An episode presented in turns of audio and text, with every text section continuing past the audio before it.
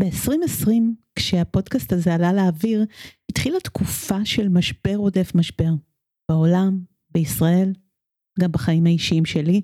טבעה חסר הוודאות של המציאות שהשגרות שלנו מצליחות להדחיק בדרך כלל, נחשף והפך לחזות הכל.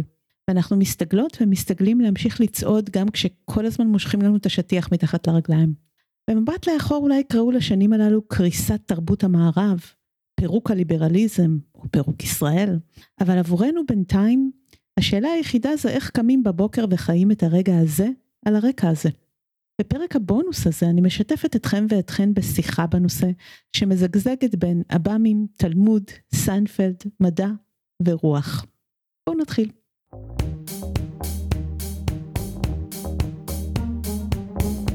המצב הפוסט-אנושי פודקאסט על טכנולוגיה, תרבות ורוח עם דוקטור כרמל וייסמן.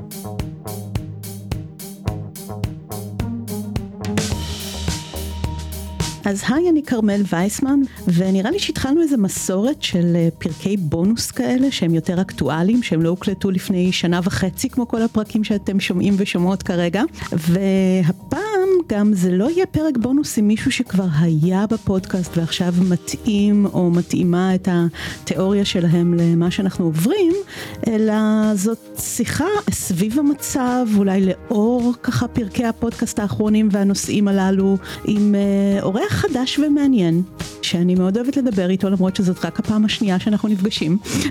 יוני שדמי, אולי תציג את עצמך. אה, אוקיי, אז אני יוני, אני בן 42, יש לי שתי בנות.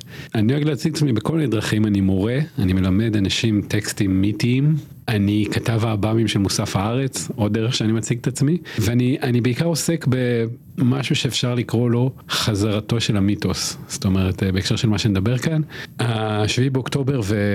ובכלל עוד לפני הזעזועים האלה שהעולם עובר, במקביל אליהם, כתגובה אליהם, יש עלייה של סוג חדש ישן של רוחניות, ואני מרגיש את עצמי מחובר לדבר הזה ואני גם לא חיצוני לו. זאת אומרת, גם חוקר אותו וגם מאוד אוהב טקסטים אקדמיים ומאוד אוהב את הגישה האקדמית, אבל אני גם בתוך זה. אני חלק מהדבר הזה שאני מתאר. אני איזשהו node uh, קטן כזה ברשת הענקית הזאת ש, שהולכת ומזדהרת uh, בכל העולם basically, uh, הרבה במערב ויותר ויותר בישראל, של אפשר לקרוא לזה I guess חיבור לרוחניות למרות שזה מונח קצת מטעה. זה תחום שהוא כמו שאר תחומים הוא חוות טלטלה בשביעי uh, לאוקטובר, אבל אני חושב שאנחנו נראה אותו, נראה תפקיד חדש שלו בישראל uh, בשנים הקרובות בעקבות האירוע הזה. אז בעצם אנחנו אומרים כאן כבר כמה פעמים בפודקאסט. פודקאסט את העניין הזה שדת זה הדבר הבא, או מיסטיקה או רוחניות, שזה בעצם זה הדבר שהיה, אבל זה גם הדבר הבא.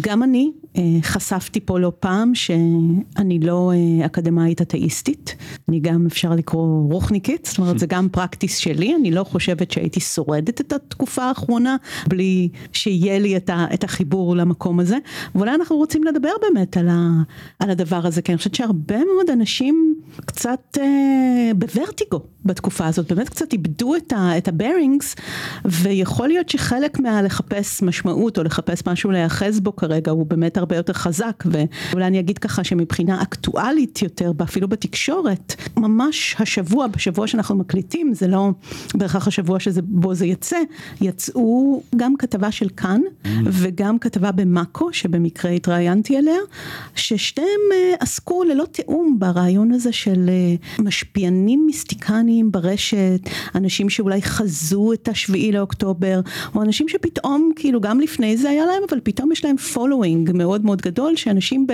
בתקופות חוסר ודאות נתפסים יותר למי שכביכול יודע את העתיד, או שלפחות יכול להגיד לנו איך להתמודד עם מה שקורה כאן, כן? אז, אה, אז מהבחינה הזו הפרק הזה אקטואלי. אני, אני רק אוסיף לשתי הכתבות שציינת, במוסף הארץ מתפרסם בסוף השבוע הזה כתבה של הכתב המדעי, כתב המדע גדעון לב, על uh, יקום מודע, הרעיון של יקום מודע. זה רעיון עם פילוסוף בריטי שמסתכל על זה מנקודת מבט מדעית. זה לא מעט בעיניי שהארץ מפרסם כזאת כתבה. זה תחום עניין שהוא בשכבות אוכלוסייה שונות בישראל מתקיים. כאילו שיש איזושהי ציפייה שאם אנחנו עוסקים במדע ובאקדמיה, שלא נעסוק ברוחניות, כאילו זה לא שייך. ואני חושבת שזה בדיוק, אה, לא סתם קוראים לה Humanities בעברית מדעי הרוח. וחלק מהשליחות האישית שלי זה להשיב את הרוח למדעי הרוח. ובוא נראה איך אנחנו מחברים את זה. וואו, יפה מאוד. וגם נגיד, אם כבר העלית נקודה המדעית, שזה משהו שמלווה את המדע ממש מראשיתו המודרנית. מ- עוד לפני הנאורות אפילו התחילו ניסיונות לחבר, להתחיל לרפא את הפער הזה שנוצר בין רוח לחומר כביכול, בין מדע לרוח, שוב כביכול אני אומר, כי אני לא חושב שהניגוד הזה בהכרח קיים. ברונו לטור בדיוק מדבר על הדברים האלה, שזה חלק מהחטא של הנאורות, של מה שהיא עשתה. באמת לקחה דברים שהם לא נפרדים, והפרידה אותם בצורה מלאכותית, כדי להגיד אנחנו במדע ולא ברוח, אנחנו בחומר. בחומר ולא בזה, אנחנו. זאת אומרת, יצרה באמת את הדיכוטומיות הללו, שעכשיו בעידן הזה הפוסט מודרניסטי ופוסט אנושי, חלק ממה שאנחנו עושים זה לערער על הדיכוטומיה ולנסות לחבר את הדברים חזרה. Mm-hmm. כי הם מעולם לא נפרדו. Mm-hmm, בדיוק. אני רוצה אולי קצת לספר על החוויה האישית שלי עם הדבר הזה. גדלתי בקיבוץ, עברתי ב-8200, היה לי סטארט-אפ, היה לי אקזיט צנוע כזה, ואחרי אקזיט אני כאילו לא כל כך ידעתי מה לעשות עם עצמי. שכרתי מוסך בבני ברק. והמחשבה המגלומנית שהייתה לי אז היה, אוקיי, יש אה, משבר במערב, יש משבר בשמאל, יש משבר בליברליזם, בואו נראה מה אפשר לעשות כדי לפתור את זה. שזה גם קצת מגלומני, חמוד בעיניי, אבל מגלומני, וגם אינטלקטואלי יחסית. זאת אומרת, באמת עם נקודת מבט של אוקיי, יש פה איזה בעיה תאורטית, בוא נחשוב עליה. ונכנסתי למוסך וישבתי וקראתי, קראתי, קראתי הרבה שנים. ממש שנים כאילו, באיזשהו שלב שם, שזה מאוד קשור לאיזושהי מורה שהתחברתי אליה, שמה מיכל קניג, התחלתי לנסות ליישם את זה על עצמי. הדברים האלה שקראתי והיו כאילו, אוקיי, רעיונות יפים, אמרתי בוא ננסה לחיות אותם. קראתי יהדות ודת השוואתית והבאמים, שזה גם חלק אמור ממה שאני עושה, והתחלתי לנסות לחיות את זה, וזה היה הטריק, זה היה ההבדל הגדול, זה היה מה ש...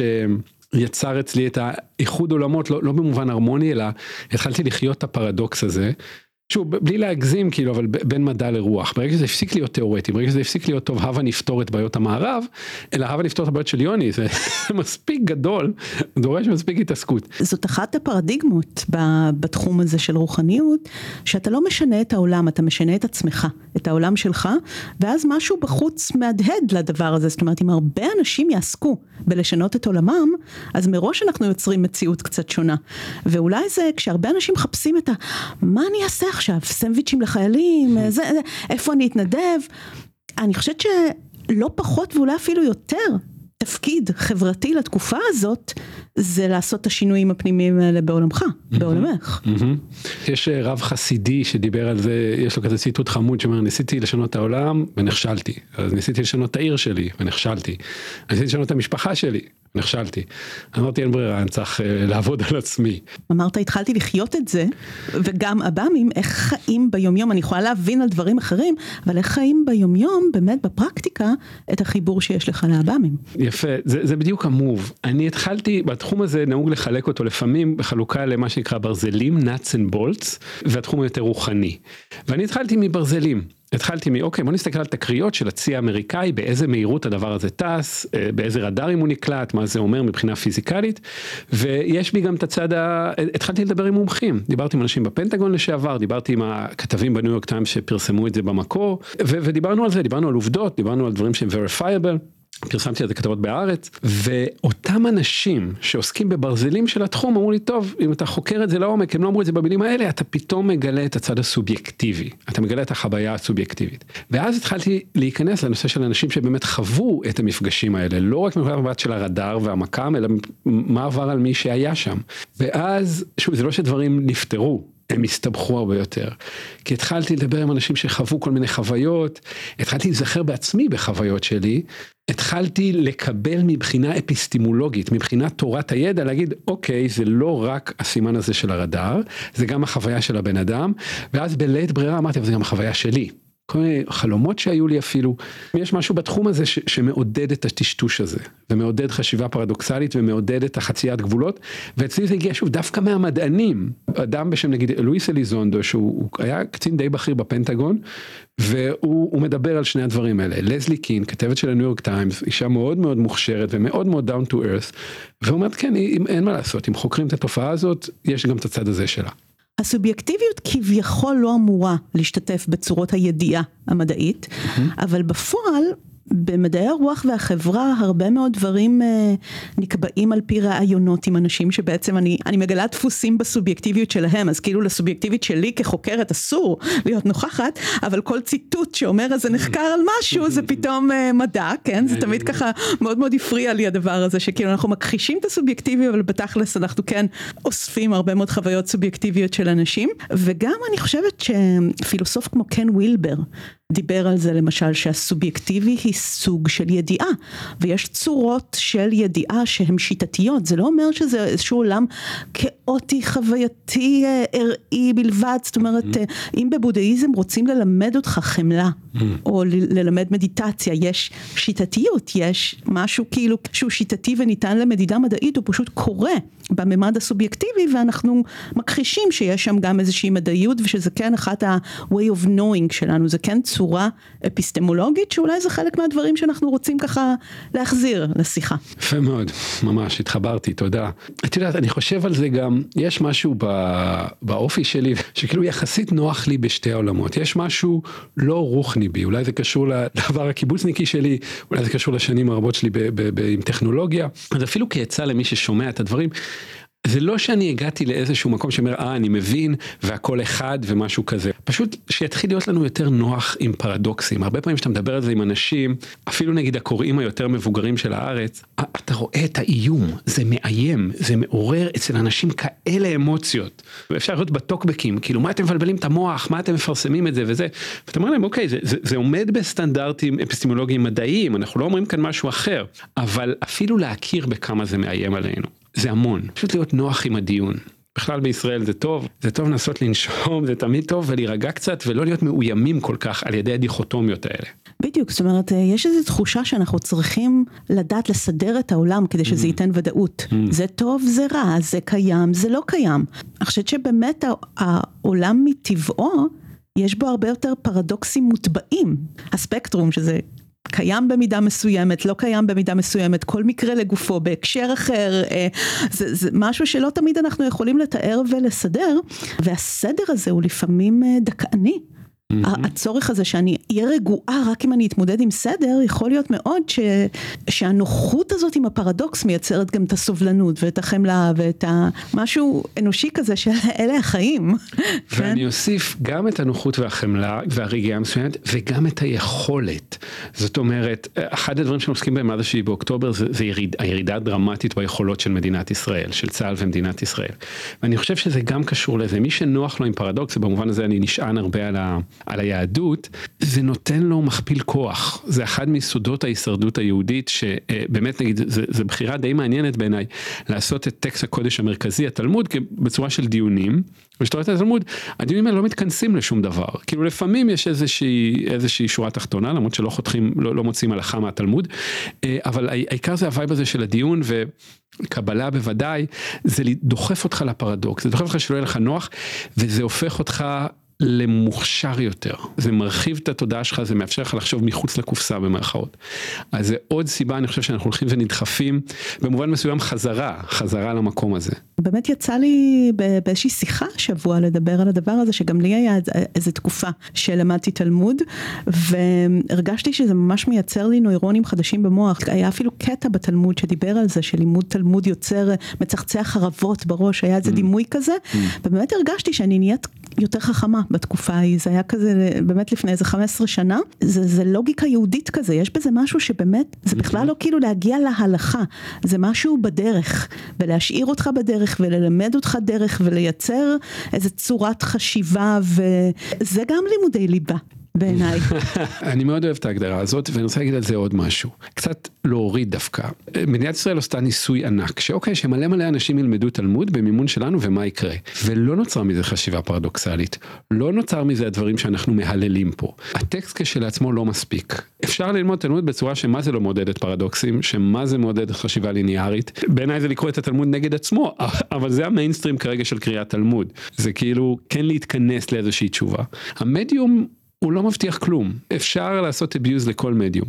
כמו שאני חווה את זה, ה vibe הזה נגיד של התלמוד וה vibe היהודי, הוא קיים הרבה יותר אצל מישהו כמו לארי דיוויד נגיד, אדם חילוני לחלוטין, ואתה רואה גם את האנרגיה ה frantic הזה שלו, והוא ממש תוצר של התלמוד. מה, מה זה, מה זה סיינפלד? מציקים לגבי דברים קטנים. זה ממש התלמוד, זה ממש, אני צריך להגיד את זה גם, וזה אולי משהו שרק אדם חיצוני לדבר הזה יכול להגיד, או שהגיע אליו בגיל מאוחר, זה מגוחך לגמרי. התלמוד זה בדיחה. לבוא ולקחת את טקסט הקודש המרכזי שלך, והוא סביב התעסקויות קטנטנות, לארי דיווידיות במאה אחוז, סביב האוקיי, זה יהיה בפינה הזאת או בפינה הזאת, האם אנחנו רוצים, השעה הזאת זה שעת הבוקר, בזה התלמוד נפתח, כאילו לא בדיוק נפתח בשום מקום, אבל הוא נפתח בדיון מתיש וסיינפלדי על מתי זה בוקר. וכשהצבע של האור הוא כזה או כזה. ואז זה מאוד יפה לראות איך vibe מסוים משתמר, באמת משתמר. 1500 שנה. אה, אבל גם לומר שאנחנו קצת איבדנו את ה vibe הזה. ושבחוויה שלי אי אפשר לפנות לאורתודוקסיה כדי לקבל את ה vibe הזה. יש דרך אחרת לשם. אז בואי נתחיל דווקא כאילו באובייקטיבי, באקדמי, ואז אני אכנס לאישי. אז התחלנו מהמגמה הרוחנית הזאת שמתקיימת בעולם. אם אתה מדבר עם אדם מערבי, בוודאי אמריקאי, נגיד בן 30 ומטה, יש לו כמעט תמיד, יהיה לו, וזה מגובה בסקרי מחקר, וזה מגובה כבר בעבודות אקדמיות, יהיה לו מאוד נוח עם רוח. אנשים מגילאים מסוימים, וככל שהגיל יורד זה יותר גדול, נוח להם עם מיסטיקה, נוח להם עם רוח, הם מחפשים את המקום הזה, זה לא אומר שהם הולכים איתו לכנסייה, ממש שפה אנחנו לא הולכים איתו לבית כנסת בהכרח, אבל זה מקום שהולך וגדל, באמת, בחלקו כמו שאמרת כתגובה למשבר המערבי, זאת אומרת אנחנו מגיעים לשביעי לאוקטובר כשזה המצב, בחו"ל וגם בארץ. עכשיו זה מה שאני אגיד עכשיו הוא לא מדעי, אני לא ראיתי על זה סקרים, אבל התחושה שלי שאנשים, אני שיוצא לי הרבה לדבר על עניינים כאלה, אם זה בן אדם בן 25 ומטה, אני לא צריך הקדמות, הוא הרבה יותר מתקדם ממני, הוא אומר כן ברור מיסטיקה, ברור נגיד שדים ורוחות, עב"מים זה נורא מעניין אותם, זה הפודקאסטים הכי מצליחים, היוטיוברים הכי מצליחים עוסקים בזה, הם כבר שם. ואז קורה השביעי באוקטובר. פה אני רוצה להשתמש במונחים של אדם בשם פרופסור ג'ון מק, שהוא היה ראש אה, בית הספר לפסיכיאטריה בהרווארד. מ-77 עד 2004, והוא עסק בעב"מים, הוא עסק במפגשים עם עב"מים, והוא פיתח מונח שקוראים לו הלם אונטולוגי. הלם אונטולוגי, ופה אני רוצה להסתמך על הגדרה קצת אחרת של פרופסור ג'ף קרייפל, הוא עומד בראש תוכנית הדוקטורנטים למיסטיקה הכי גדולה בעולם, אוניברסיטת רייס, יש לו כתב 15 ספרים, בן אדם אחד החוקרים החשובים בעולם בתחום של דת השוואתית. הוא לוקח את המונח של ג'ון מק של הלם אונתולוגי, וזה אומר שקורה אירוע מציאותי יותר מהמציאות, והוא לא מתיישב עם המציאות. כשאתה נחטף על ידי הבם, כשאנשים, ודיברתי עם לא מעט אנשים שחשבו כזה דבר, זה מערער אותך, זה לא הגיוני, אבל החוויה מאוד קשה להתכחש לה, ואנשים מתכחשים לה, אנשים מדחיקים אותה, אבל זה קורע לך פתח במציאות כי זה מרגיש כל כך אמיתי.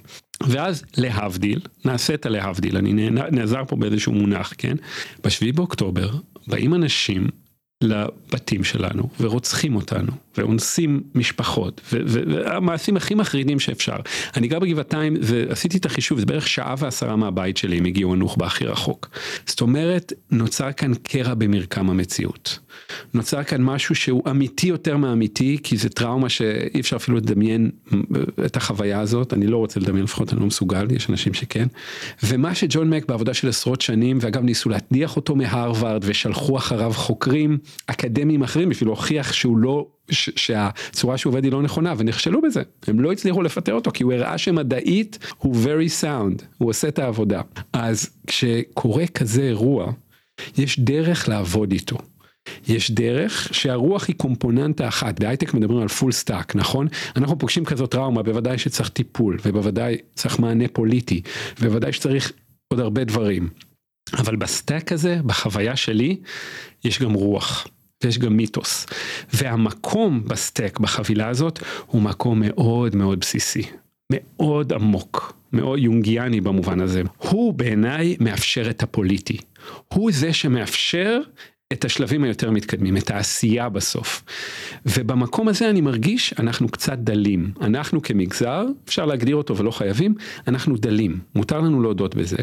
ואני אעשה כאן עוד מהלך, אני מסתכל על גוש אמונים, אני מסתכל על האנשים שמובילים את החברה הישראלית כרגע, והם נותנים המון מקום לרוח.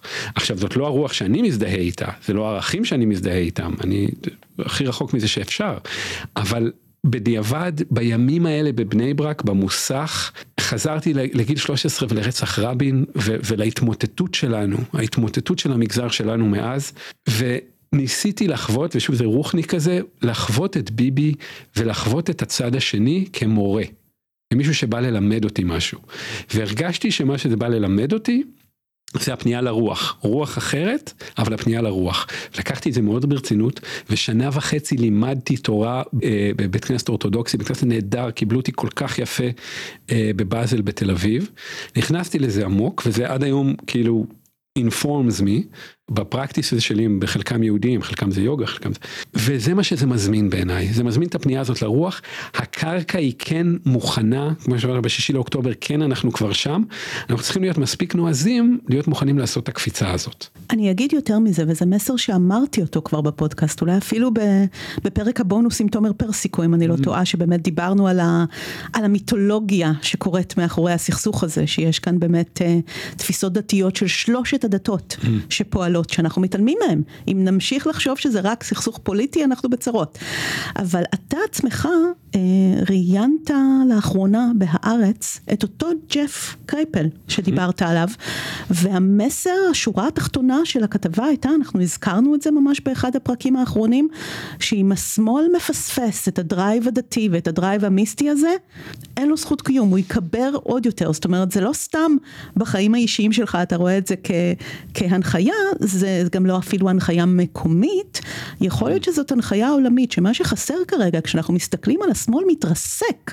בחו"ל, כאילו מתרסק ברמה של, לא שהוא לא פופולרי, הווק שמתהפך על עצמו, ש, שהמטרות שלו בעצם הופכות להיות משהו שהוא דווקא דכאני, שהוא, שהוא נשאר במציאות הסימבולית, שהוא לא רואה את האדם, שהוא באמת כאילו הגיע לאיזשהו קצה, שהוא יותר דומה ל, לימין הקיצוני מאשר לשמאל, זה קץ המרקסיזם, כאילו זה, זה הואץ עד שזה יתהפך על עצמו, ויכול להיות שבאמת הגאולה של איזושהי תפיסת שמאל רצינית היא דרך אי הכחשת הרוח, ולאו דווקא חיבור לאותה הרוח שמוצעת מימין, או גרסה משלנו לדבר הזה, או, או בכלל איזשהו drive שיש בו תעוזה רוחנית ודמיון רוחני ושימוש באותם הכלים. וזה לא בא על חשבון ערכים, זה לא, הערכים שלי במסע הזה, שהיה מטלטל, מטלטל, ועשיתי שינויים דרמטיים בחיים האישיים שלי, למרות שגם לאט לאט, הכל מאוד לאט, זה לא שינה לי את הערכים, אני לא פחות מאמין בשוויון, אני לא, אפשר באמת לשאול מה המקום של מרקסיזם בזה, זה לא מנוגד. זאת אומרת היום יש דיכוטומיה, היום זה מרגיש מאוד בישראל שצד אחד לקח אחריות על הזהות, אוקיי, נתניהו זה מה שהוא מוכר, זהות ויהדות וכולי, בצד שני לקח ימין בעלות על ה-executive function. מה שמוכר כביכול השמאל בישראל זה יכולת, אנחנו לא מושחתים, אנחנו יודעים לעשות דברים, we get stuff done, ואין סיבה שזה יהיה ככה, אוקיי? גם לנו יש זהות, גם אנחנו צריכים ללמוד לעבוד איתה, וכן, אם להתחבר למה שאת אומרת, לא ברמה השיווקית, לא מדובר על לצטט אה, אה, אה, פסוקים בנאומים פוליטיים, אלא באמת ובתמים לאמץ את הדבר הזה בדרכנו, בדרך שלנו, ואני חושב שזה יכול להוביל לפריחה מטורפת שאפילו יותר גדולה ממדינת ישראל, שממש תהפוך לאיזשהו ציון דרך בהיסטוריה שלנו כעם. ויש לנו את זה כאן, זאת אומרת, אנחנו רואים השיח בתקשורת מאוד מבליט את הדיכוטומיות, כי זה נוח, אפילו בפרנצ'ייזים כאלה כמו האח הגדול, אנשים באים על תווית, אנחנו לא רואים אנשים מורכבים, הם יודעים מראש שהם צריכים לשחק פרסונה תווית, כן. וזה גם העולם ברשת, אתה משפיען, את משפיענית, אז אתם, יש לכם טיקט. ואתם עושים רק את הדבר הזה, אתם המתכונים ללא גלוטן, אין לכם חיים hmm. חוץ מזה, hmm. זה הטיקט. ויכול להיות שאנחנו, הצעד הראשון הוא באמת כן לחשוף מורכבות כזאת. אני, אני יכולה להגיד שהפודקאסט הזה הוא בכוונה, hmm. בכוונה, פודקאסט רב תחומי, שלא נכנס לאף קטגוריה, לא מתאים לקטגוריות, כשיוצאת תחרות פודקאסט השנה, הוא לא נכנס לאף קטגוריות, אז הוא לא יהיה פודקאסט השנה ולא כלום, כן? זאת אומרת, פועל בין הקטגוריות, המורכבות הזאת, זאת נישה, וזאת נישה נישה גדלה וזאת נישה שאני חושבת שמתאימה להרבה מאוד אנשים בשביל הדבר הזה שאנחנו מדברים עליו כי אנחנו יכולים להיות uh, משיח נאו חילוני שכזה אנחנו יכולים למצוא את הרמיקסים האלה זה, זה, זה חלק מהתקופה כן. אולי זה מה שאנחנו צריכים. כן אני מסכים ואני רוצה לנצל את מה שאת אומרת או לבנות על מה שאת אומרת כדי להכיר בקושי שבזה זה קשה. לחצות את הרוביקון הזה ולהיכנס למין מקום לא ידוע ולתוך הערפל במיסטיקה היהודית זה קשה מה שאנחנו מדברים עליו זה לבקש הרבה מאנשים, זה לא בקשה קטנה, זה בקשה גדולה. אני חושב ש, שזה מה שמוטל עלינו, שלפחות שתתחיל השיחה כדי איך לעשות את זה, אחד. שתיים, זה דבר שקורה. זה קורה. זה לא שמה שאנחנו מדברים עליו כאן לא מתרחש. אני מרגיש שיש אקו סיסטם רוחני מאוד חזק בישראל, בתל אביב, יש מקומות בזיכרון, בירושלים, בפרדס חנה, בכל מיני מקומות, וזה כל זה ecosystem שלא מודע לאקוסיסטמיותו. אנשים באים למורות ליוגה היום, וזה כמעט תמיד נשים, אסטרולוגיות, קואוצ'ריות מסוג מסוים, עם שאלות שבאים אליהם למורה רוחני. והן נותנות להם מענה, גם אני ככה, גם אני ככה, יוגה זה חלק חשוב בחיים שלי. אני בא שואל מישהי שכביכול ההתמחות שלה זה גוף בכלל, כל מיני שאלות, עונה לי בתשובות של גוף ואני עושה את זה וזה משפיע לי על הרוח. ה ecosystem הזה קיים, מה שאני הייתי רוצה לתת לו זה איזשהו empowerment, ללכת יותר זקוף. יש לנו עתודה רוחנית פה, היא מתקיימת, היא רק צריכה איזשהו לתת לה את השם הזה ואת הגאווה הזאת ולהתחיל לענות על שאלות כאלה. יש לי פנטזיה שלמה, זה, זה כבר מהמקום הלא דסקריפטיבי אלא prescription, משהו שהייתי רוצה שיקרה. אני קורא לזה ביני לביני מועצת החכמות. לכנס את המורות האלה, ויש כל מיני דרכים היום לכנס אנשים, ושהם יתחילו לעבוד יחד בשיטה תלמודית. אני הייתי רוצה, את יודעת, בזמן המלחמה, בגדול פגשתי את המלחמה, העבודה שלי, אני, אני בגדול מרוצה, הייתי מחובר ואז מנותק ואז מחובר ואז מנותק מבחינה פנימית. מקום אחד שבו זה כשל היה מול הסגירה של הדלת של הממ"ד, שהיה צריך לטפל בזה, והבן אדם איחר, ואז גם הרגשתי שמתייחס לזה מאוד בקלילות, וזה הפך להיות ריב, זה הפך להיות ריב בצעקות. ואני הייתי רוצה להביא כזאת מין דילמה. כזה מין אירוע שזה מאוד בפורמט התלמודי, אני להביא את זה למורה שלי ליוגה, רוצה להביא את זה אה, למורה שלי מיכל קנינג שהזכרת לי, יש לי מורה בחו"ל ששמה רובין לסיטר, ושהם ידברו אחת עם השנייה, לא יגיעו למסקנה בהכרח, כל אחד תבוא מהתורה שלה, ואז התלמוד כמו שאני חווה אותו הוא מחולק למין bites, יש כל מיני bites לפעמים ארוכים שדנים בכזה מקרה, וחכם כזה אומר ככה, וחכם אחר אומר ככה, וחכם שלישי אומר אחרת, וזה לא מתכנס, לפעמים זה מתכנס לתשובה לפעמים לא, אבל ה vibe הזה של הדיון, שיבואו החכמות שכבר יש לנו, יתחילו להתדיין ככה על הדברים ובשיטה לארי דיווידית, שיטה תלמודית, לא עזבו מניפסטים, מי, מי שזה דרכו סבבה, מניפסטים ופילוסופיה, בואו נביא לכם סוגיות קטנות, תתחילו לדבר עליהם, זה החלום. אז קודם כל זה טוב שיש לך חלום, mm. כאילו, ואתה גם פורט אותו ומדבר עליו, זה אחד הצעדים שאנחנו רוצים לקדם בעצם, שאנשים יחשבו מה הם רוצים, mm. כי אנחנו, חוש... אנחנו יושבים ומחכים שמשהו יקרה, ואנחנו גם מחכים שהמנהיגים, מי שתפקידו לעשות את זה יעשה את זה. ואנחנו מדברים פה על איזשהו אתוס, האתוס הרוחני אומר תעשה דברים בחייך, קום ותעשה את מה שאתה רוצה, תיזום את מה שאתה יכול מנקודת מבטך, מהמקום שלך, את המינימום שאתה יכול. הזכרת שלוש מורות, תפגיש ביניהם בזום. אז לא הקמנו סנהדרין, אבל, אבל אתה עושה צעד, אתה עושה נכון, צעד, צעד, צעד קטן, קטן, קטן. המורה שלי לקונג פו היה קורא לזה הורסטן, הורדת סטנדרטים. כאילו אתה כאילו מוריד סטנדרטים, אבל אתה מממש משהו, אתה עושה כן. משהו קטן, קטן, קטן, מתוך הדבר, כי, אתה נותן לו ממשות, כמו שאתה מדבר על משהו, כבר יש לו ממשות. אני פתאום קראתי שאני רבע הולך לעשות את זה, חשבתי אבל לא קראתי את זה בשם הזה, וזה מאוד חשוב. הרצוב ושוב הזה בין למעלה ולמטה, עכשיו אפשר קצת להרים כאילו ולהגיד דרך אחרת להגיד את זה, לא בשמיים היא ולא במאה שערים, קרוב אליך הדבר מאוד, בפיך ובלבבך לעשותו. יש משהו באמת ב, ב, ביצירה הקטנה הזאת שנראה לי מאוד חשוב, ו, ו, ואני רוצה לחבר את זה באמת אליי ולשביעי באוקטובר. דיברנו על הרקע העולמי להתרחשות הזאת, עכשיו בואו נראה איך פתח לזה בחיים. היה לי רגע מעניין בשביעי באוקטובר, שזה היה כמה ימים אחרי, אח שלי היה בטיול באיטליה באותו זמן, והוא מתוך המערכת הערכים שלו כמובן מיד חוזר לארץ. וישר למילואים. אה, מתנדב של אה, אחים לנשק חיכה לו בשדה התעופה עם מדים, מהמטוס הוא יורד, מדים, אני חושב שהוא היה לפחות חודשיים וחצי בעזה. ואני מתכתב איתו כשהוא יורד, אנחנו בהודעות. ואני עושה את זה כשאני בבית שלי, במטבח, כלומר יש לי שתי בנות, מנקה את המטבח, מכין להם ארוחת ערב. זאת אומרת המקום הכי דומסטי, הכי זה. ואז הייתי צריך שנים על ש... זה מגוחך. שנים על שנים של אימונים ורוחניות ו- ו- והנפש בשביל לפגוש את הדבר הזה. להבין שאוקיי אני מרגיש כאן איזה חוסר נוחות מהמקום הגברי בכל זאת חינוך קיבוצניקי וכולי והנה אח שלי הקטן הולך להילחם וכולי ומה אני עושה אוקיי, אני פה במטבח, מכין לבנות משהו, ונתתי לזה לעבור לי בגוף עם כל ה training שלי וזה, וזה הפך להיות רגע מאוד חזק. שאמרתי, אוקיי, זה לא התפקיד שלי. אני מבין שזה התפקיד שלו, אני מעריך את זה, צריך גם כאלה, לי יש משהו אחר לעשות. וזה היה רגע מאוד חזק. אנחנו חוזרים לחשיבות של הסובייקט, שהדבר הזה לא יישאר ברמת הדיון האינטלקטואלי, למרות שאין לי בעיה לנהל על דיונים אינטלקטואליים. אחד הדברים גם שהייתי רוצה להביא לעולמות הרוחנים האלה, זה לא להיות מאוים כל כך.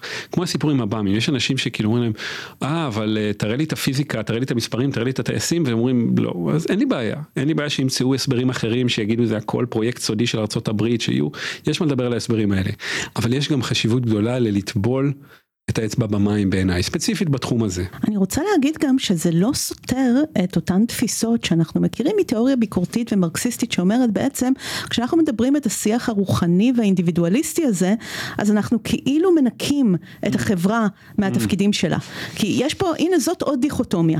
כשאני יושבת בבית ואומרת, טוב, המנהיגים אמורים לעשות את זה, והחברה, ויחסי הכוח, וביבי לא בסדר, וזה, וזה, וזה, אז בעצם אני שמה את עצמי בנוחות במקום של אני לא אמורה לעשות כלום. Mm. ומצד שני אני יכולה להגיד, וואי, שום דבר לא מתפקד, אז אני ארוץ עכשיו להרים uh, חמ"ל, ולעשות סנדוויצ'ים, וזה mm. וזה, וכולם שיתנדבו, וכולם שיעשו את זה, עזבו את הכלכלה, עזבו את הילדים, עזבו את הכל, כולם רוצו לעזה, כן? זאת אומרת, זה שני, mm-hmm. שני mm-hmm. קצוות כאלה של או יש רק אותי, או יש פה כוחות חברתיים ואני חסרת אונים. אז זאת עוד דיכוטומיה שאנחנו רוצים לזהות ולסגור אותה שבעצם נכון יש יחסי כוח ויש מבנים וכולי אבל עדיין ביומיום שלנו בסופו של דבר אפילו בלי הרבה training רוחני זה כן מועיל להסתובב עם השאלה הזאת מה תפקידי בסיטואציה הזאת mm-hmm. ו- ולענות על זה בכנות כי אנשים נוטים לקחת על עצמם תפקיד ענק מדי לא mm-hmm. שלהם ביהירות להשתולל לעשות סנדוויצ'ים להרים זה ולפעמים כאילו רואים את הדבר הזה שלא צריך לא צריך זה נעשה too much האוכל נזרק ראי, ראינו את הדברים האלה כאילו mm-hmm. במקום הזה כשאתם mm-hmm. לא בתפקידכם אתם יוצרים בזבוז ותסכול ומאמץ ולפעמים זה הכי קשה לקבל את זה שיכול להיות שתפקידי נורא קטן שאני צריך לדאוג לילדים שלי כרגע לאוכל זה המקום בסיטואציה הזו. אולי מחר יהיה לי תפקיד אחר וכולי, ולרוב התפקידים הם יותר קטנים ממה שנדמה לנו גם. וזה המקום של לקבל את זה ולהגיד זה החלק שלי בפאזל, זה המקום שלי בסיטואציה הזאת. מה שזה לוקח אותי זה להכיר בבייס שלנו, בהטייה שלנו כישראלים. ואני קצת חוזר לימי הסטארט-אפ שלי, ש, שבכל זאת קצת יצא לי להסתובב, גרמניה, וושינגטון, הודו, עבדתי בכל מיני מקומות, ואני לא פגשתי עם יותר פרקטי מהישראלים. אנחנו מאוד מאוד פרקטיים ואז בשביל לאוקטובר כל השכבה החברתית שאני נמנה עליה באמת התגייסה וזה היה מדהים ואני פחות אני מודה. הייתי פעם וחצי מתחת לקניון גבעתיים היה משהו הייתי באקספו שהיה מאוד יפה בתל אביב שם אבל אצלי זה באמת עבר אחרת. ואני לא אומר מה נכון ולא נכון, אבל להכיר בהטייה הזאת שלנו, שמיד, מיד, מיד לקפוץ לפעולה, ישר, טק, טק, טק. ושוב, יכול להיות שיש אנשים שזה מה שנכון להם, אבל עצם שאלת השאלה חשוב שהיא תהיה לגיטימית. לתת לדבר הזה לשבת קצת. ואני רוצה לפנות לאנשי הפרקטיקה דווקא, באמירה הזאת, ולהגיד, כי השהייה הזאת והרוחניות הזאת, זה מה שמאפשר תכלסיות, זה מה שמאפשר חשיבה מחוץ לקופסה, זה יחזור אליכם עם ריבית דריבית, כשזה לא יהיה הפעולה האוטומטית. אז, אז כן, לתת לזה מקום ולתת לזה אהבה ולתת לזה בקרב הדוארים בישראל, מותר גם לשהות. אני אגיד משהו שאולי הוא יעורר תרעומת, אבל הוא אמיתי, כן? זאת אומרת, כשאני שאלתי את עצמי כל הזמן, ואני שואלת כל הזמן, מה התפקיד שלי עכשיו? מה התפקיד שלי עכשיו? מה התפקיד שלי עכשיו? אז היה איזה רגע שבו הבנתי שהתפקיד שלי הוא עכשיו כל כך קטן שקראתי לו תפקיד ניצבת. Mm. אני אמורה לצאת לבית קפה בתל אביב ולשבת להניע את הכלכלה, לשתות קפה בחוץ, mm. ללכת לאיזה mm. אירוע תרבות קטן שמעז לקרות וכשהייתי באיזושהי מסעדה פתאום הגיע אחד החטופים שחזר עם בת הזוג שלו. באו לשבת במסעדה הזאת. הם יושבים פה בכיכר החטופים כל היום וגם הם צריכים את, ה, את הרגע הזה שבו mm. יש עיר אחת שמתפקדת בשפיות ויש איזה מקום להתפנק רגע והדבר הזה קורה. שלא הכל בחירום, שלא נסגרנו, סגרנו הכל ואנחנו נחנקים ומחכים. כאילו בתוך ההמתנה הזאת שאנחנו ממתינים איתם לקרובים שלהם אנחנו גם חיים חיים נורמליים והם באים לפה, גם מפונים, באים מצפון ומדרום, כדי להרגיש רגע את הנורמליות, את השפיות שבתל אביב. Mm-hmm. והתפקיד שלי באותו שבוע היה אני התל אביב שאתם באתם לראות, הנה, הנה האנשים שיושבים בבתי הקפה. איזה יופי, כן, אני משחק את התפקיד עכשיו. בדיוק. אני, אני אני התל. אביבית ששמעתם עליה. וזה תפקיד, זה תפקיד, הם היו צריכים אותי. בטח, זה בטח. נשמע מטומטם, אבל הרגשתי לא שהנה, השבוע. לא זה מה שאני עושה. כן, בואי ניקח את זה עוד צעד אפילו, אוקיי? אה, וגם אה, אפשר לקחת נגיד מהמקום התל, התלמודי, שאומרים, אוקיי, מה, מה עושים באבל, תשובה ומעשים טובים, ואז משיב אחר, דיו לאבל שיעמוד באבלו. וזה מקרה פוסט שראיתי בפייסבוק, שאמר, אם אתם מצליחים, וזה היה ממש בימים הראשונים אחרי, אם מצליחים להיות עצובים עכשיו, זה המון. זה המון, מי שמצליח להיות עצוב. ואז אני אומרת, אפילו לא לשבת בבית קפה, פשוט להיות עצוב, פשוט לפגוש את הרגש שלך. ואני רוצה להגיד משהו, איך אני התחברתי לזה, הצד המשיגני שלי דווקא, הצד התחרותי שלי, איך הוא הגיע לזה.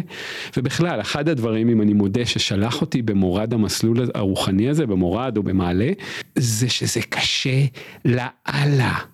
לאללה, לי לפחות, לשכבה שאני נמנה בה, הרבה יותר קשה לשבת, לחוות את הרגשות, מאשר ללכת לעשות משהו. ואז זה כאילו עורר אותי סבבה אוקיי זה קשה בוא נעשה את הדבר הכי קשה. וזה נכון לא רק עכשיו זה עוד יותר קשה בשביעי באוקטובר אבל בכלל לחוות את מה שאתה חווה. אם הייתה לך ילדות מסוג מסוים, אם באת מרקע מסוים, זה אחד הדברים הכי קשים בעולם. ואני רואה את זה גם עכשיו אצל הילדות, איך כאילו לאט לאט מתפתחים מנגנונים כדי להימנע מרגש. אז זה המון. דיו לאבל שיעמוד באבלו, יש הרבה מה לומר בזכות הגישה הזו. נכון, אם אמרת קודם שאנחנו עם של דוארים, אז צריך להכיר בזה שדואינג, כמה שהוא יפה לפעמים, הוא גם ברמה האינדיבידואלית הוא הרבה פעמים בריחה מהוויה ובריחה מלהרגיש את הדברים. יש פחד נורא נורא גדול שנעצור ונבין לרגע כמה פסיכי זה וכמה לא אנושי וכמה לא טבעי הדבר הזה ומה שעובר עלינו ושאנחנו בעצם בטראומה כי חלילה אם כולם יעצרו רגע ויחוו את עצמם ויבינו שכולנו פגועים מי יתפקד. יש פחד נורא גדול לעצור ו- ואני כן רוצה להגיד את הדבר הזה שלפעמים דווקא מלעצור ולחוות ולהסכים לראות את הדבר הזה לא נשברים. הרבה פעמים דווקא מה שקורה זה בדיוק להפך, כן, זה, זה לא הבטחה, יכול להיות שבהתחלה יש שבירה, כן, אבל לי קרה הרבה פעמים שדווקא כשעצרתי והסכמתי להרגיש היה כאילו איזה פיצוץ שבירה כזה, אבל מיד התחזקות נורא גדולה, ודווקא זו הייתה הדרך החוצה. הדחקה לא הייתה הדרך החוצה, זה רק אם הדחקתי והדחקתי והדחקתי משהו, קרה לי חלילה משהו במציאות יותר גרוע שגרם לי להוציא את זה. כן, אני רוצה להביא כאן משהו שאני לומד הרבה ממורתי רובין לסיטר, שזאת המורתי בחו"ל. את מדברת על מוות, מדברת על מוות קטן. המוכנות כאילו למות בחיים, ששוב פעם היה לנו טקסים סביב הדבר הזה, איך למות בעודך בחיים ולהתעורר, זה משהו בביולוגיה שלנו, זה משהו בביולוגיה שלנו, וזה קשה לאללה. אנחנו נורא נורא נורא מפחדים. ודרך אחת שאני חושב על השביעי באוקטובר, זה סוג של warning sign, אם אנחנו בוחרים להתייחס אליו ככזה, אוקיי? רצחו אותנו פגעו בנו, אם אנחנו מוכנים למות, אם אנחנו מוכנים לפגוש את הדבר הזה, למות בעודנו בחיים, אז נוכל לצמוח מזה, ונוכל לעלות. ואם לא, וכרגע כחברה אני מרגיש שאנחנו לא, אורתודוקסים, חילונים, ימין, שמאל, אף אחד פה לא מוכן למות, אף אחד, או, או, או מעטים מוכנים לקבל על עצמם את התפקיד הזה, זה, זה מפתח חשוב לצמיחה. ואני רוצה להתחבר בדיוק איך שאת מתארת את זה במונחים עכשיו פחות דרמטיים מהשביעי באוקטובר, גם בתהליך ארוך למדתי, וכמובן זה לא עובד כל יום, ואולי חלק גדול מהזמן זה לא עובד.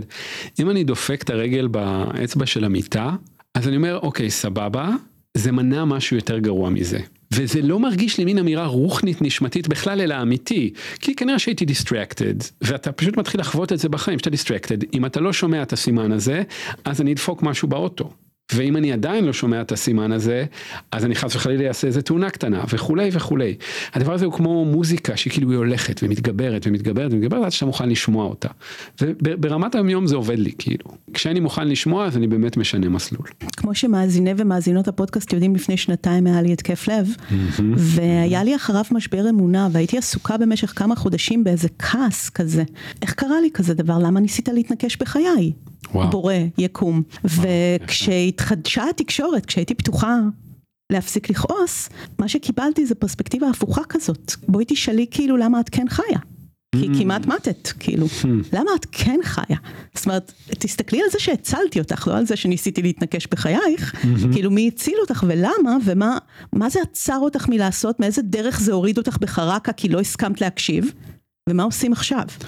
וזה להסתכל על הצד הזה, על חצי הכוס המלאה, כי תמיד יש. אז זה נשמע כמו תהליך מוצלח של לפגוש מוות, במקרה הזה ממש מוות, ולצמוח ממנו.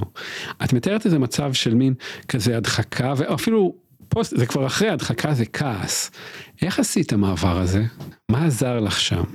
לא יכולתי לעשות אותו לבד, אפילו עם כל השנות ניסיון שלי. Mm-hmm. גם לי יש מורה, רונית שפי וולפין, שנתנה לי ככה ליווי אישי ועזרה לי לדבר.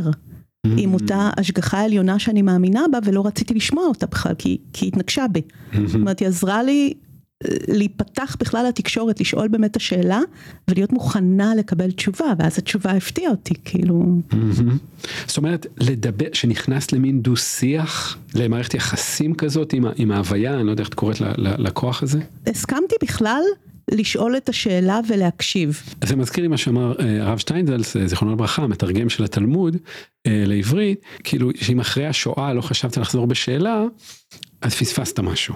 זאת אומרת, הספק הזה הוא מעולה. בתחילת המערכת יחסים שלי עם אלוהים, such as it is, היה שם בעיקר כעס. בעיקר כעס. היה לי את המוסך הזה בבני ברק, ושזה אחת המטרות שלו, הייתי מסתובב שם, צועק כאילו.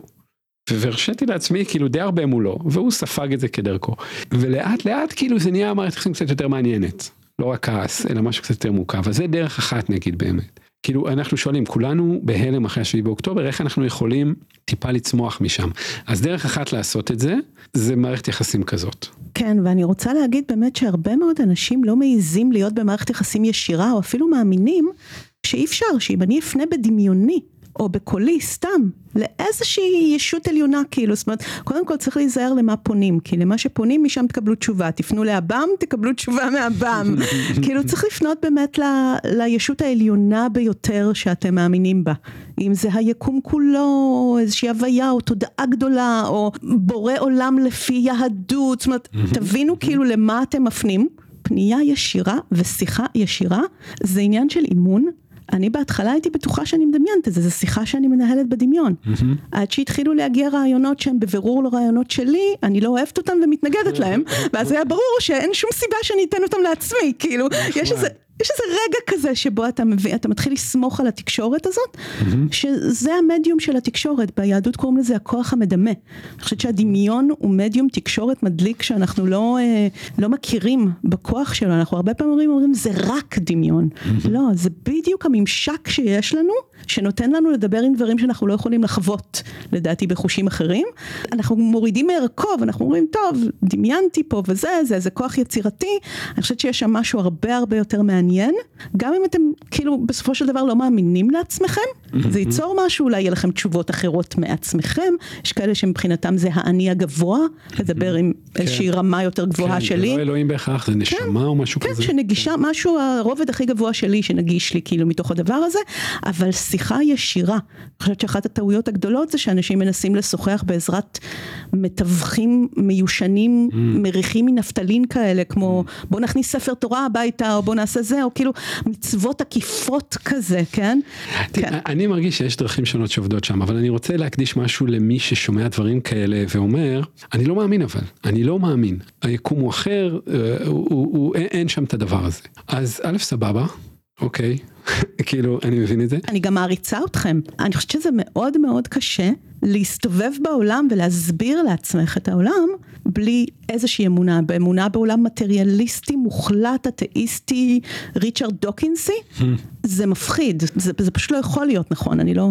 אני חייב להגיד שאני אישית יחסית סבבה עם זה, אני לא מתרגש שאני שומע את זה ואני אפילו חושב שהמילה אמונה עושה היום הרבה נזק. אני לא מתעסק באמונה. אני יודע שהמערכת יחסים היא אמיתית, זה מאוד עזר לי. לא יודע אלוהים לא אלוהים, מערכת יחסים היא אמיתית, כמו שאמרתי, אני שומע דברים, היא מאוד חיובית בשבילי, והיא עוזרת לי והיא תומכת בי והיא נהדרת, אז כאילו לא, שוב, זה חוזר למשחקיות הזאת. נגיד אני לא משתמש במילה דמיון, אני הפסק להשתמש במילה דמיון, אני מרגיש שהם מכוונים בדיוק לאותו דבר, אבל אני קורא לו בשם אחר, אני לא יודע מה זה הדבר הזה, אני לא מטריח את עצמי מאוד בשאלה כרגע מהו בדיוק, אבל אפשר לפתח כאלה מערכות יחסים, ושוב כפנייה לרציונליסטים. המערכות יחסים האלה ליוו בני אדם מאז ומעולם. זה מה שאתה מוצא על קירות מערות. אתה לא מוצא על קירות מערות, גם קצת בשוליים ספירת מלאי של כמה עורות דוב יש לנו, אתה מוצא את המערכת יחסים הזאת. צריך מאוד להיזהר ב setting אקדמי ובצדק להגיד, תראו, הנה משהו שנמצא בכל התרבויות האנושיות. אבל אני חושב שזה אחד הדברים היחידים שנמצא בכל התרבויות האנושיות, עד הנאורות, עד לפני 200 שנה, שבה פנו נגד זה, וגם זה כנראה היה נחוץ, אם נהיה קצת רוחנים, כנראה היה נחוץ הפנייה הזאת. אבל זה אוניברסלי, כל התרבויות חוו את זה. ואני לא אומר שאתה חייב לקבל את זה על עצמך, אבל לפחות אקדמית רציונלית להודות ש-99.9% מהאנושות עסקה בדבר הזה. יכול להיות שאנחנו גאונים גדולים וכולם היו מטומטמים לפנינו, אבל יכול להיות שגם לא, יכול להיות שיש שם משהו. אני גם רוצה להגיד שחלק מהעידן הפוסט חילוני שאנחנו חיים בו, mm. אני חושבת שיש את ההכרה הזאת דווקא בקרב אנשים שמגדירים את עצמם כאתאיסטים, mm. כי אנחנו רואים המון דתות חדשות שהן דתות הטרלה. שגם דיברנו עליהם כן, בפודקאסט, כן, כמו, כן, כמו, חמוד, כאילו. כמו המפלצת וכל מיני דברים כאלה שבעיניי זה מראה גם איזושהי הבנה mm. שרוב העולם הוא באמת עדיין מצוי בשיח דתי ורוחני ושאנחנו צריכים לנסח גם את האתאיזם שלנו בשפה הזו כדי להשפיע. Mm. אז את אותו מהלך כהטרלה אפילו שיתחיל כהטרלה כי זה נהיה רציני, כן? כן במקרה כן. של המפלצת וכולי, כן. אבל את אותו מהלך אולי צריך לראות בפוליטיקה. הטרלה רוחנית, כאילו, שגם לנו יש שיח רוחני, גם לנו יש משיח, גם אנחנו מאמינים בזה וזה, אבל זה הדבר שלוקח כוח בפוליטיקה, כן? וההטרלה יכולה להפוך לרצינות. כזה דבר, בואי נדמיין, זה מגניב אותי, לא חשבתי על זה. איך נראית הטרלה רוחנית פוליטית בימינו? אה, וואו, סליחה שאני שוב, זה לא, זה פשוט פעם ראשונה שאני חושבת על זה, אבל אוקיי. אה, בוא נשחרר את זה רגע למאזינים והמאזינות האקטיביסטים יותר. וואלה. בעצם יש לי, יש, יש הטרלה פוליטית כזאת שפעילה כבר. מפלגת הפיראטים שרצה בכל, בכל מערכת בחירות. חמוד. היא הטרלה פוליטית. חמוד, כן. אבל היא לא... אה, יואב וטל, טל כן, מסינג ויואב. אבל זאת לא הטרלה רוחנית. זאת אומרת, זה באמת, זה לא לקחת את כל הכוח הזה של איזו עבודה פוליטית עושה הרוח בימין, והחזון, כן, של ארץ ישראל שלמה, של מה שצריך להיות פה, של היהדות וכולי. מה יכול לרוץ כנגד זה? מה שצריך פה להמציא קודם את החזון הנכון, ואז לרוץ עליו. זה יכול להיות מעניין, חזון של רוחניות חילונית, חזון של משיחיות חילונית. ושוב, זה יכול לבוא מלמעלה מהחזון, וזה יכול לבוא מלארי דיוויד, מלמטה, מההטרלה, מהדחקות, מהצחוקים. זה, זה כיוון מאוד מעניין בעיניי. ו, ושוב, אם לחזור לנושא הזה של אלוהים וטטטט, לא להתרגש מזה כל כך, להיות משחקי שם, להיות גמיש, להיות זורם, ו, ו, ויוצאים דברים חמודים, יוצאים משתלם לכם, כאילו זה, זה, זה נחמד, זה כיף וזה תומך באמת. אני אוהבת את ה vibe המשחקי, לשחק עם אלוהים. כן, זה גם לפי התלמוד אלוהים מקדיש שליש מהזמן שלו לשחק. זה אחד הדברים שאני אוהב ללמוד. כן, אני זוכרת כן. שמתישהו שלמדתי קבלה היה כזה כל מיני דרגות של תדרים ומה הכי גבוה וכולי, וממש תדר אחד לפני אלוהים זה שעשוע. כן, כן שם כאילו זה נחמד, מאוד מקליל נחמד. כזה. יש כן. המון עם מה לעבוד, אנחנו לא ממציאים שום דבר. שוב, העמוד הראשון של ברכות, העמוד הראשון שממנו מקובל להתחיל ללמוד, כתוב שאלוהים מתעורר באמצע הלילה וצורח מבדידות. זה כתוב שם, זה הקנון שלנו. יש עם מה לעבוד, זה שהיום האורתודוקסיה מתאמת מזה, זה עניין שלה ובעיה שלה, ולהם יש את המשבר שלהם ושהם יפתרו. יבקרו אותו, אגב זה גם משהו שאני לא תומך בו כל כך, כאילו אין מה לבקר כל כך, אני לא מתעסק בזה, בואו נתעסק בעצמנו. יש עם מה לעבוד. יש מה לעבוד מגדרית ודמיונית ומיתוסית, יש המון. בדיוק, אולי זה בכלל אלוהימה. כן. לגמרי. כן. ואני חושבת שזה היה בפרק 51 כשדיברתי עם ניר להב על תודעה, אני חשפתי מהי uh, תפיסת האלוהות שלי. יש בה משהו מדעי גם מהבחינה הזאת שזה עובד לפי תיאוריית המערכות. Hmm. המחשבה שאני ביחס לגוף שלי הוא סוג של אלוהים, זאת אומרת כל תא בגוף שלי אני אלוהים עבורו, ואי אפשר להסביר לתא הזה איזה מין אורגניזם אני ואיזה מין חיים יש לי וחלק ממה הוא, במה הוא משתתף, אבל אם חושבים על מה זה אלוהים ומה אנחנו חושבים עליו, הוא חלק מאיתנו ואנחנו חלק ממנו, זה נשמע נורא נורא הגיוני, ואני חושבת על, על, ה, על הרובד הזה שאם אני תא בגופה של ישות עליונה יותר, mm-hmm. של מערכת כזאת, אז קודם כל הוא לא מושלם בכלל. הוא כמוני, כאילו הוא משתדל, לפעמים הוא לא לגמרי בקשר עם כל חלק בגופו, ולפעמים החלק הזה צריך לכאוב ולזעוק כדי שישימו לב אליו וישימו עליו פלסטר. יש לו אולי התמודדויות משלו, בעולם משלו, כמו שלי יש. ו- ואני מחפשת את הפונקציה שלי בדבר הזה, ואולי אני צריכה להיצמד לפונקציה. ואולי אם אני אקח את הדימוי הזה שוב למה אני עושה אחרי השביעי באוקטובר, או מה תפקידי בסיפור הזה, אני צריכה לזהות כאילו איזה מין תא אני. כי לא כל התאים יכולים לרוץ עכשיו לכליה, סרטן, סרטן בכליה. צריך גם את התא שיהיה באצבע ויפעיל את האצבע, כאילו לא צריך קפה שם, כן. ברור, אי אפשר שהאצבע תתרסק עכשיו, אני תא אצבע, אני לא רץ על הכליה. אז זה נורא נורא חשוב בעיניי להבין כאילו איפה אתה ממוקם בסיפור הזה ולדעת שגם החיים הנורמליים והיומיום והמשפחה שלך וכולי, זה חלק מהמרקם ואתה לא יכול להקריס את הדבר הזה.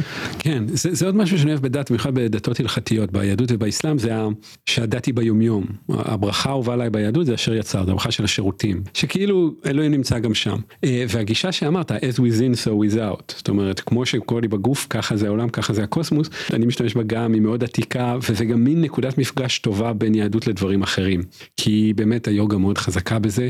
ואז אני אתן אולי דוגמה איך זה נראה, שעוד צמד מילים שאני משתמש בהם, לקחת דברים ברצינות אבל בקלילות. שני הדברים, לזה נגיד, אני מביא את זה לתחום של הבאמים. לקחת ברצינות החוויה, אבל בקלילות, וזה עוזר לך מול משיחיות, זה עוזר לך מול מניה, מול כל מיני גישות שכאילו אתה פוגש שם לפעמים. זה נשמע ככה באמת כמו שביל הזהב של הרמב"ם, דרך האמצע של mm. אריסטו, משהו כזה שאתה לוקח את שתי האיכויות הדיכוטומיות לכאורה. ומוצא לך איזה נתיב שמערבב אותם בצורה מעניינת, כאילו אתה אוחז בהם ושומט טיפה באיזושהי צורה, זה התרגול. כן, בדיוק, ואז נגיד גיליתי דרך יוגה ומודעות לגוף שאני מרגיש הרבה יותר את, את רגל ימין מאשר את רגל שמאל, אוקיי? וימין זה חסד בקבלה ושמאל זה גבורה, ויש לזה כל מיני משמעויות וכל מיני דמויות. ו... אחד הדברים שהיה לי בהתחלה ביוגה ושיש לי כל החיים זה יש סקוליוזיס יש כזה איזה כאב כזה בגב התחתון שאין לו דרמה אצלי אבל יש לי את זה קצת. זה גיד ספציפי בגוף שלפי המסורת היהודית זה הגיד שהמלאך כשיעקב פגש אותו ושינה לו את השם זה הגיד שהמלאך פגע בו באיזשהו אופן ואחר כך יעקב הופך פשוט צולע ועד היום אסור לאכול את הגיד הזה בחיות. אני לוקח את כל העובדות האלה ואני שוכב במיטה ואני מרגיש צד ימין וצד שמאל ואני מרגיש חסד וגבורה ומשחק עם זה וזה חמוד וכיפי ויוצא לי מזה כל מיני תובנות לחיים ויוצא לי סוג של חוויה רוחנית גם אחד הדברים שאני מרגיש שאני מביא לדבר הזה זה שלא היה לי הערה. דיברתי עם הרבה אנשים שהיה להם חוויית הערה זה חוויה נוירולוגית מאוד מסוימת לא חוויתי אותה. ואז במקום זה יש לי כאלה חוויות קטנות כאלה שאני לוקח אותן ברצינות אבל בקלילות וזה it's fun פשוט כיף. זה, זה מה שאני עושה ביום יום אני מלמד את הדבר הזה אני מלמד אותו בחינם יש כל מיני נקודות גישה לעולם הזה. זה אמור להיטיב, זה אמור להיות טוב, זה גם היה לי הבנה כזאת גדולה ב- ביוגה, שאמרו לי, לא, זה לא אמור לכאוב, מה שאתה לא עושה זה לא אמור לכאוב, זה אמור, יכול להיות אי נוחות, יכול להיות כזה מתיחה, אבל לא לכאוב. האנלוגיה שיוני עשה בין חוויית חטיפות על ידי חייזרים לבין החטיפות לעזה בשביעי לאוקטובר, נותרה לי כהדהוד חזק מאוד מהשיחה הזאת. והמושג המרכזי שהצענו כאן הוא הלם אונתולוגי. המפגש עם משהו שמנפץ את תפיסות המציאות שלנו, ההזוי שהוא יותר אמיתי ממה שאנחנו מוכנים להכיר בו כאמיתי. אני חושבת שזאת הגדרה טובה לכל המשברים שדיברתי עליהם בפתיחה. והדרך לצאת מההלם עוברת בהכרח בהרחבת אזור הנוחות והרחבת גבולות ההכרה שלנו באותה מציאות כדי להתחיל לכלול את חוויות השבר הללו בשגרה.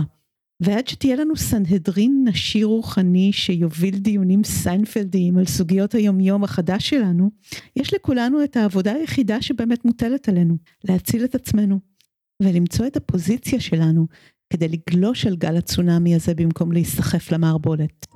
אז uh, בהצלחה לכולנו, ונשתמע בקרוב בפרק הסדיר הבא.